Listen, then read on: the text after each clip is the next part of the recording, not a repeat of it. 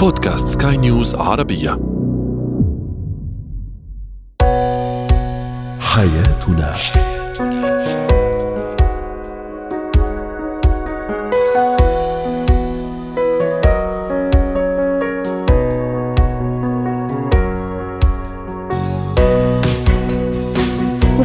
الكرام أهلا بكم معنا إلى حياتنا فضاؤكم اليومي الذي يعنى بشؤون الأسرة وباقي الشؤون الحياتية الأخرى والذي يمكنكم الاستماع إليه عبر منصة Sky News Arabia dot com slash podcast وباقي منصات سكاي نيوز عربيه الأخرى. شاركونا عبر رقم الواتساب 00971 معي أنا ابتسام العكريمي. اليوم نتحدث عن كيفية تغيير الروتين اليومي وجعل حياتك أسعد مع الشريك أو مع أفراد الأسرة. كيف نربي الطفل على تحمل المسؤولية وإتيكيت أكل السمك؟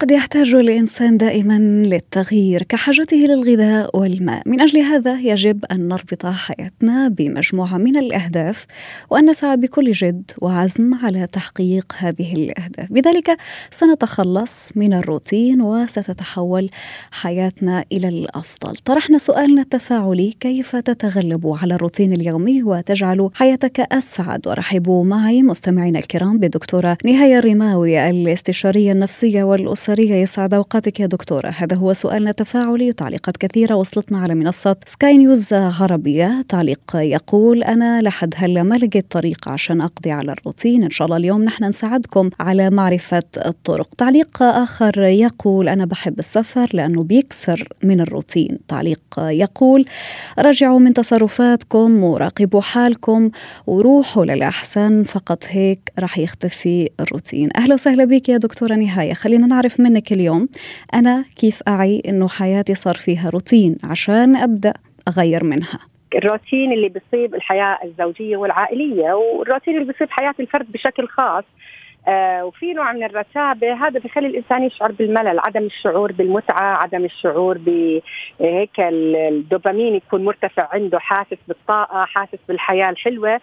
فهون يبدأ الإنسان يخفت عندما يتعود على الأشياء، الروتين مهم أحيانا لما نخفف الستريس. ليش؟ لأنه بخلينا نعيش في نظام ما بيخلي حياتنا صاخبة، لكن بعض الأحيان نحتاج إلى أن تصبح حياتنا تخرج عن هذا الروتين تصبح صاخبة متغيرة لأنه طبيعة الدماغ يستمتع بالتغيير والتفكير عندنا بصير أفضل لما يكون في تغيير بموضوع سواء الممارسات الحياتية اليومية أو تغيير بالأهداف أو بالخطط أو تحسين إذا بدنا نحكي كلمة يعني إنه نحسن ونعمل دائما تطوير لها.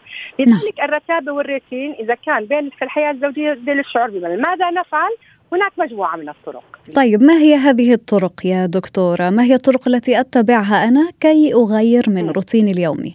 سواء تحدثنا عن الحياة مع الشريك أو حتى في حياتنا اليومية بالنسبة للأشخاص اللي, يعني في تعاملاتهم اليومية مع حالهم مع أفراد الأسرة أو حتى مع الأصدقاء والزملاء في العمل هلأ بالبداية زي ما حكيتي مع الشريك إنه يحتاج إنه يكونوا هدول الشريكين يكونوا أصدقاء، يعني إذا كانوا زوجين فقط وبيأدوا أدوار الزوج، ماذا تفعل الزوجة؟ ماذا يفعل الزوج؟ ما المطلوب منهم؟ هون تدخل حياتهم في الركابة يعني الصداقة بين الأزواج مطلوبة. جدا لأنه أنت مع الصديق تيجي بتحكي له أحداثك اليومية بدون ما يعطيك حكم سلبي أو يضايقك عم بسمعك عم بتشجعه ويجي يحكي لك. فالصداقة هي تقتل الروتين. فلما يكون زوجك صديقك أنت بتكوني في حياتك كل يوم تحبي تشوفيه كل يوم تحبي تحكي معه لأن الأحاديث تتجدد. لا تصبح الأحاديث متمحورة حول العائلة والأولاد ودورك كزوجة ودوره كزوج والمطلوب منا كشراكة زوجية. الصداقة مطلوبة هنا ان نبدأ نبني علاقة آه في الزواج علاقة صداقة أيضا بالإضافة إلى الزواج.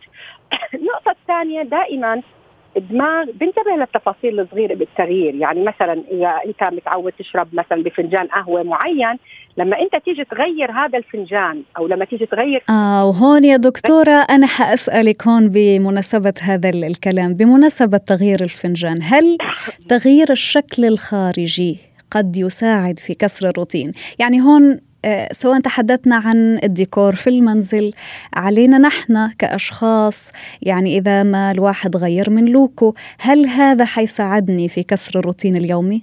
طبعا هلأ إحنا بنلاحظ إنه إحنا التغيير الذي يحدث في الأشياء البسيطة الخارجية لها تأثير على الدماغ في بصير عندنا إحنا لما نطلع من ال comfort zone. هلا الروتين يعني ال comfort zone منطقة الراحة المنطقة اللي بيكون فيها الإنسان عايش بالتكرار بالروتين بالأشياء اللي متعود عليها وبيكون أحيانا الخوف وعدم الخبرة. نعم. عنده الإنسان ذكاء اجتماعي إنه يطلع من هذه ال comfort zone أو منطقة الراحة، تغيير الأشياء البسيطة تغيير الشكل، تغيير اللبس، تغيير ادوات المنزل في بعض الأحيان، حتى لو كانت بسيطة بنلاحظ إنه هي تستطيع أن تغير وتقتل الروتين، يعني مثلا بالعادة إحنا بنحط مثلا طقم القعدة بطريقة معينة، إحنا بس ما بدنا نعمل تكلفه مادية حتى نضل نغير ممكن نغير نفس نفس الأدوات أو نفس الأمور اللي عنا في البيت ولكن نغير طريقة الحطه أو نعم. طريقة الوضع. طيب ماذا عن زراعة النباتات المنزلية دكتورة؟ هل من شأنها أنه تمتص الطاقة السلبية من المكان سواء في المنزل أو حتى في المكتب؟ هل هذا حيساعدني على القضاء على الروتين؟ هلأ هذا النشاطات مثلا اللي يكون فيها مثلا زي ما حكيتي الزراعة إنهم يزرعوا مع بعض أو وجود النباتات داخل البيت بتعطي طاقة إيجابية. بالضبط. وجود مثلا زي ما بنحكي إذا نباتات مثلا بتكون جافة لا هي بتسحب الطاقة. أحيانا الأشياء اللي موجودة بالبيت الألوان بالبيت بتعطي مثلا في ألوان بتعودوا فيها وبتعطي روتين. لذلك بنلاحظ إنه هاي الأشياء كلها تساعد على تغيير الإفرازات في الدماغ. وبالتالي لما الإنسان يكون دماغه نشط ومرتاح بنلاحظ إنه بيأثر على طبيعة العلاقات يكون هذا الشخص متجدد. والأهم من ذلك عدا عن وجود برامج طبعا أسبوعية متجددة لنا إنه كل مرة بنعمل شيء معين مع الأولاد حتى نقتل الروتين. عندنا أهم شيء التخطيط لإنجازات جديدة. يعني دائما لما يكون عندنا مشاريع جديدة أفكار جديدة لو كانت بسيطة على مستوى أسبوع أو شهر أو أو أو سنة يعني خطة سنوية أو خطة شهرية أو فصلية بتكون بوضعها الزوجين وبيكونوا عم نعم. يسعوا لتحقيقها لأنه لما تسعى لتحقيق هدف عندما تربط حياتك بهدف أنت تربط العلاقة الزوجية بأشياء يعني ممكن إنها تساعد إنه إحنا نحب نكون مع بعض أو حتى ممكن يا دكتورة مثلا أنه نعمل جدول خاص مثلا الويكند وين حنقضيها؟ آه أنا يعني الأسبوع الجاي إن شاء الله شو بدي أعمل؟ كيف بدي أكسر الروتين؟ كيف حغير من يومياتي؟ كيف حغير من حالي؟ كل هالأمور من شأنها إنها تساعدنا على تجاوز والتغلب على الرتابة اليومية وعلى الروتين. شكرا لك يا دكتورة نهاية الرماوي الاستشارية النفسية والأسرية. أسعدتينا في آه، هذا اليوم ويعطيك ألف عافية. زينة الحياة. تعلم المسؤولية منذ الطفولة هو أمر ليس بالهين لا على الطفل ولا أيضا على الآباء. كما يتعلم الطفل المشي والحركة والكلام فإنه أيضا لابد عليه أن يتحمل المسؤولية لأنها أمر ضروري. واحرصوا مستمعينا الكرام أن تعلموه لأطفالكم ليكونوا واثقين بأنفسهم أكثر فأكثر مع العمر. ولديهم أيضا سيكون شعور حقيقي بالمسؤولية. معنا عبر الهاتف ضيفتنا دكتورة لما الصفدي الخبيرة النفسية والتربوية يسعد يومك يا دكتورة. المسؤولية صعبة وخاصة في تعليمها من الأول للطفل. اليوم أنا كيف أقدر أني أبسط هذا المفهوم حتى يقبلوا ذهن الطفل ويمشي على أساسه؟ صحيح. واولا آه لازم نناقش مع فكرة بأنه هذا الجيل مختلف عن الجيل السابق. بالضبط. يعني يمكن اليوم في كثير من الأشخاص بيعتبر هذا الجيل متدلع زيادة آه ما بيفهم بالمسؤولية. هو أبعد ما يكون عن اتخاذ قرار حقيقي. هي دائما الآراء اللي من الأهل. أو حتى طريقة تقبله للأمور و... وطريقة ضبطه للمعايير اللي اللي لازم نحن نستوعبها تكون مختلفة. صحيح فعلا. فبالتالي هون هو جزء منه حقيقي فعلا هذا الجيل مختلف تماما عن يمكن حتى الأجيال السابقة. ولكن بالمقابل طريقة التواصل معهم يمكن هي كمان هي المشكلة ما بين الأهل والأولاد حاليا الموجودين. يعني الأولاد خلينا ناخذ لهم عذر بسيط إن كانوا أطفال أو مراهقين. إنه عدم تحملهم للمسؤولية نتيجة التسارع الحياة اللي بيعيشوها. نتيجة أنه في كثير من البلدان الأشياء المتوفرة لهم اللي هي بدون جهد. التفاصيل اللي أحيانا هم بيحصلوا عليها مجرد ما يطلبوها.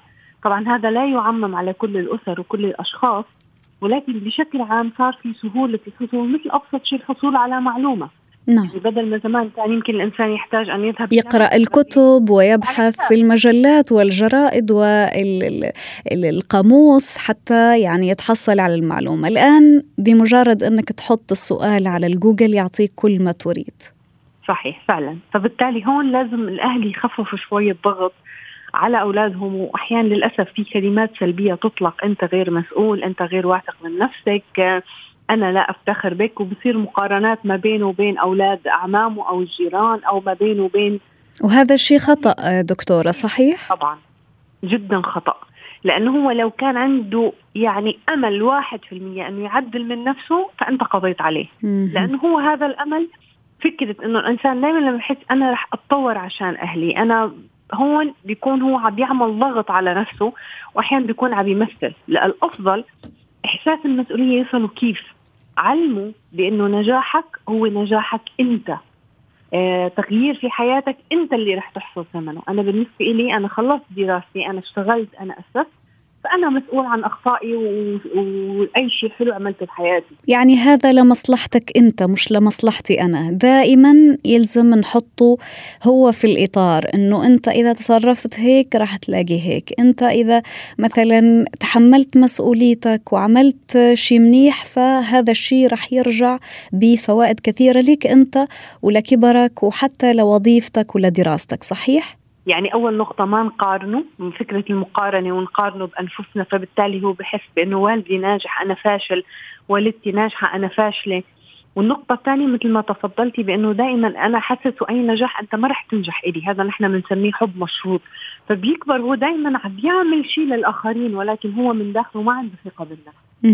طيب دكتورة لما البعض يقول لك أنه تربية الحيوانات الأليفة يخلي الطفل يحس بشعور المسؤولية تجاه هذا الحيوان من هنا يعني بشكل تدريجي ومباشر حيتعامل هيك بحياته اليومية هل هذا صحيح؟ هذا صحيح إلى حد معين لأنه أنت تخيلي بأنه في كثير من الأهل حتى أتوا بحيوانات أليفة إلى المنزل فالطفل تحمس أول يومين ثلاث يوم بعدين اعلن استسلامه وأنتم حرين حابين تخليهم يا أهلا وسهلا مش حابين مشوهم فهي الفكرة منبعها بإني أنا أغرس عند الطفل فكرة أنت مسؤول. طب نبتدي فيها كيف بالحياة الواقعية؟ مشان بالضبط. و... كيف أبتدي يعني فيها؟ أنا أنا أحب إني أغرس القيم الإيجابية بداخل طفلي عن طريق مثلا القصص الحكايات اللي بتكون قريبة من فهمه أو حتى يا دكتورة لما إني أشاهد معها أفلام كرتونية فيها مغزى ومعنى وحكمة. هذا الشيء هل ممكن يساعد الطفل على تدريب حاله من الصغر إنه يكون شخص مسؤول؟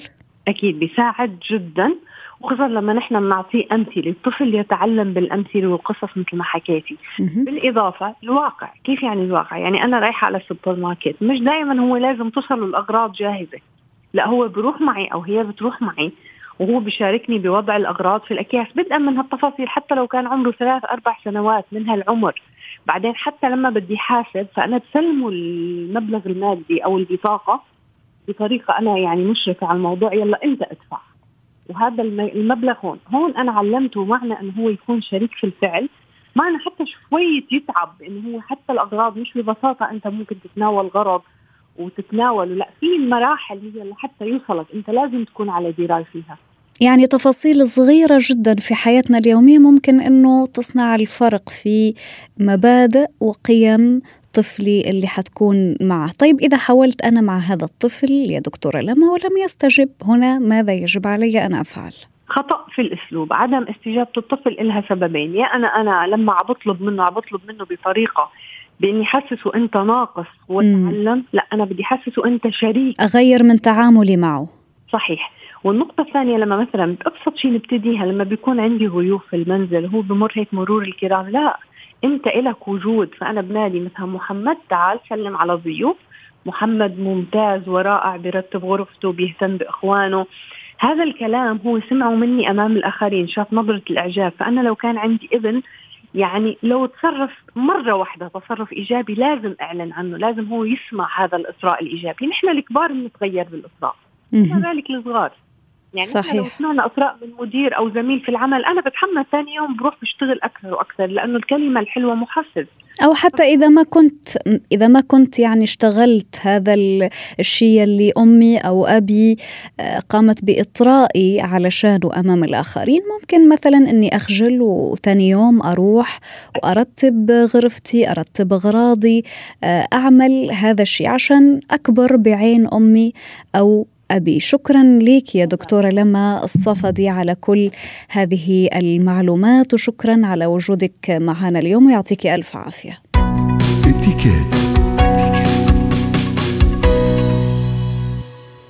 يعتقد البعض أن السمك من أصعب الوجبات لتناولها بالشوكة والسكين نظرا لكثرة العظام والشوك بها لكنك ما إن تتعلم كيف تأكل السمك بالشوكة والسكين وقواعد هذه الأكلة حتى تجد الأمر أسهل بكثير عليك. البعض أحيانا قد يرفض حتى أنه يقبل عزيمة شخص برا أو حتى قد يرفض أنه يروح لبيت الشخص بسبب خجله من هذا الموضوع. البعض مستمعينا الكرام قد يستخدم اليد ولكن اليوم حنعرف الطريقة السليمة لأكل السمك سواء تحدثنا عن الأكل في المطاعم في العزايم أو حتى لما تكون أنت متواجد مثلا بين الزملاء في مكان العمل.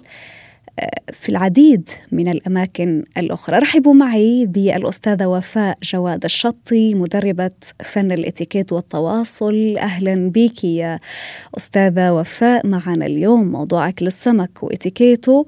يعني قد يكون حرج عند الكثير في بعض الأوقات. قد يرفض صديقي ولا الشخص اللي بدك تعزمه على أكلة السمك. قد يرفض يروح معك للعزيمة لأنه ما يحب ينحرج. فخلينا نعرف منك الطريقة الصحيحة لهذا الموضوع. هو فعلا يعني في بعض الناس يكون عندهم في مشكلة لأن هناك يعني كتلري معين لأكل السمك أو الكراب. فلازم يكون الشخص عارف كيف يتعامل مع الأدوات هذه. بالضبط. الافضل الأفضل يعني دائما الشخص اللي ما يعرف يتعامل أو يتعاطى مع آه، أدوات أكل السمك يطلب الفيليه اللي هو يكون خالي من من من الشوك والأمور هذه. عشان ما ينحرج. ما ينحرج. إي نعم علشان ما ينحرج. طيب البعض البعض قد يفضل إنه يستخدم ال ال اليد إذا ما استطاع المجاملة عبر الشوكة والسكين. هنا ما الحل؟ شوفي هذا يعتمد.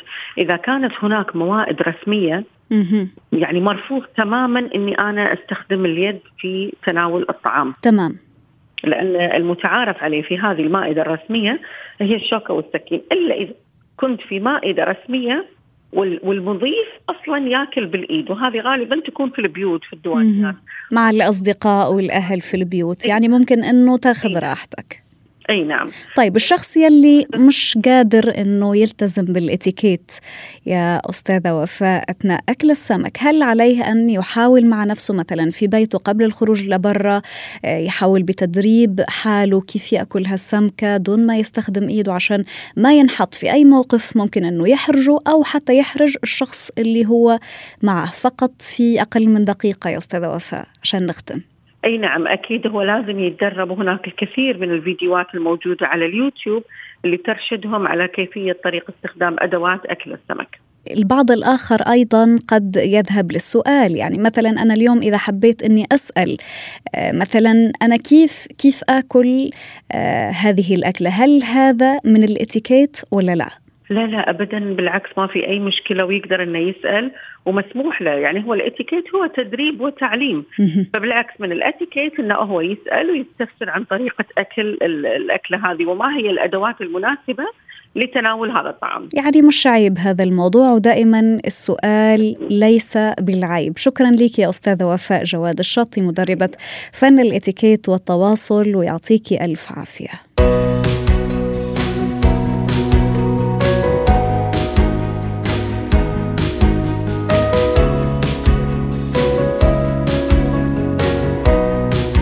وصلنا مستمعينا الكرام إلى ختام برنامج حياتنا. إلى اللقاء وشكرا على طيب الاستماع.